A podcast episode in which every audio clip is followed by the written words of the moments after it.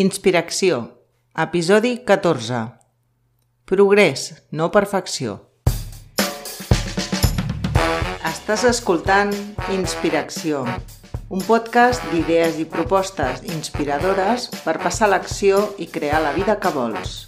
El meu nom és Mònica Segovia i l'objectiu és compartir tot el que he après els darrers anys i segueixo aprenent cada dia en aquesta escola anomenada vida. Benvinguts a Inspiració.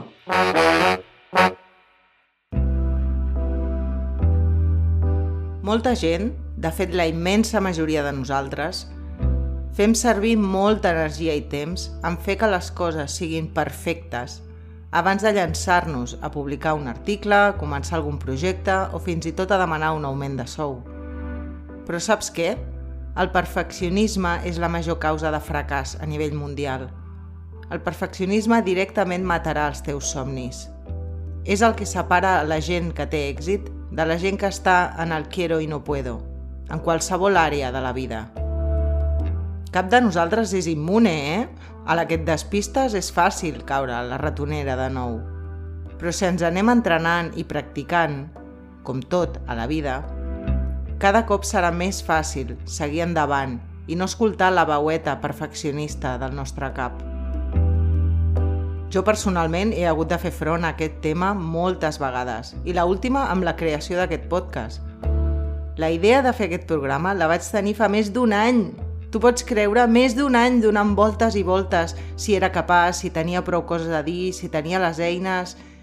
Ei, i al final vaig haver de deixar de ser jo i començar a ser una altra persona.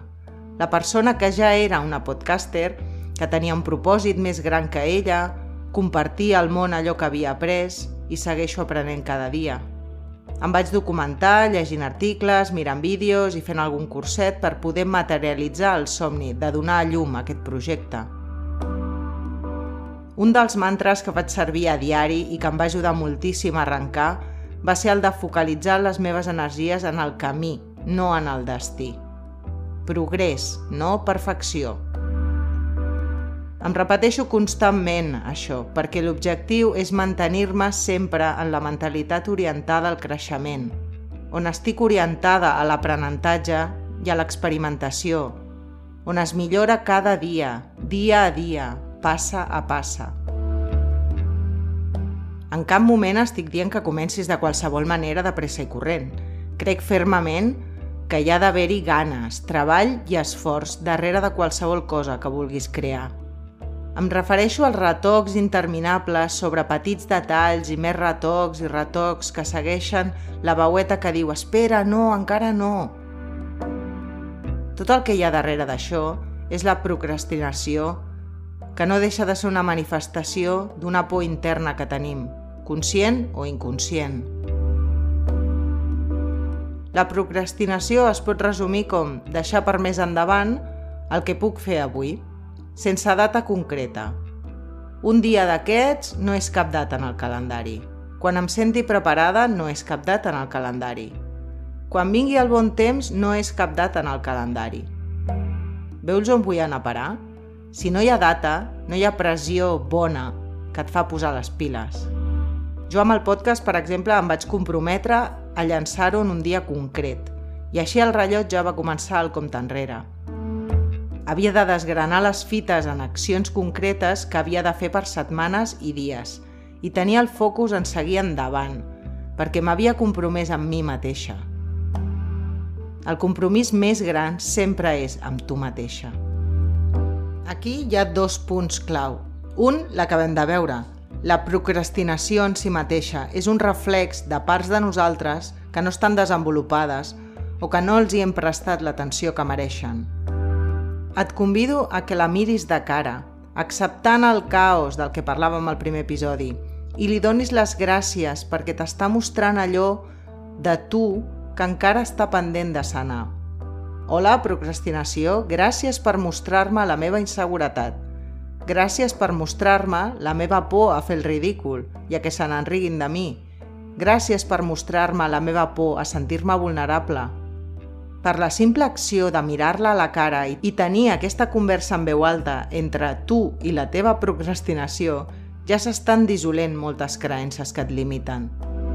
La por no desapareix mai, això ho has de tenir molt clar, però aprens a que no et determini i que, malgrat tinguis por, no deixaràs de fer el que vols fer. Això enllaça amb el segon punt. Sigui quin sigui el teu somni, sempre t'has de fer tres preguntes. I per què és ordre? Per a què? Ho dic en castellà perquè queda més clar. Què i com? És l'ordre que et farà tenir les coses molt clares. I a més farà que vegis que el teu propòsit sempre és més gran que tu i les teves pors. Per mi, el meu per a què, sens dubte, era per compartir al món tot el que he après i segueixo aprenent. Per si algú, sigui una persona o un milió, és igual. El fet era que ho havia de compartir. El què el tenia molt clar també, perquè fa anys que sóc consumidora de podcast i m'encanta la versatilitat que donen per poder-te moure fent altres activitats mentre l'escoltes. I a més m'arriba més el missatge que amb els vídeos, on potser em despisto més amb les imatges, els gestos de la persona que parla, que hi ha de fons... En fi, això va a gustos, com tot en aquesta vida. Ara ja només em calia el com, que era posar fil a l'agulla, recopilant tota la informació per poder començar i, òbviament, prenent acció.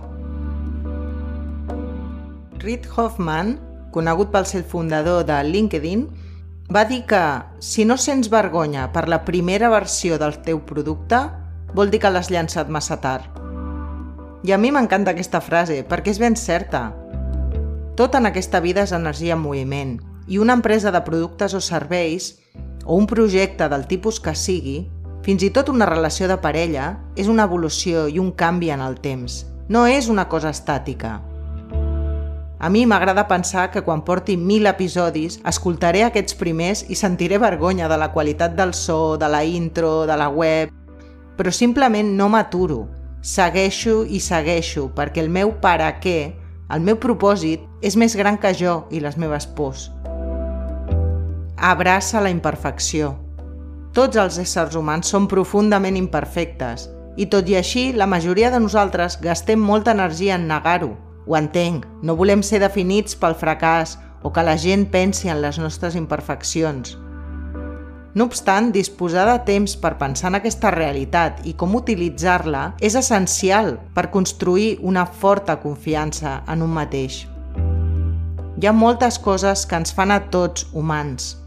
Tots respirem, mengem, creixem mental i físicament i sí, al llarg del viatge tots experimentem moments d'aprenentatge desafiadors. Sé per experiència i segur que molts de vosaltres també que quan la cagues o comets un error fa mal un temps. Però no oblidis que això ho han experimentat literalment tots els que t'envolten. El primer pas és ser honesta amb la imperfecció. Estima el canvi que t'ha dut fins a on ets avui. Ha estat fàcil? Per descomptat que no. Ningú va dir que fos fàcil, només van dir que valia la pena. Al llarg del camí has comès errors i has experimentat un o més fracassos. Això és normal.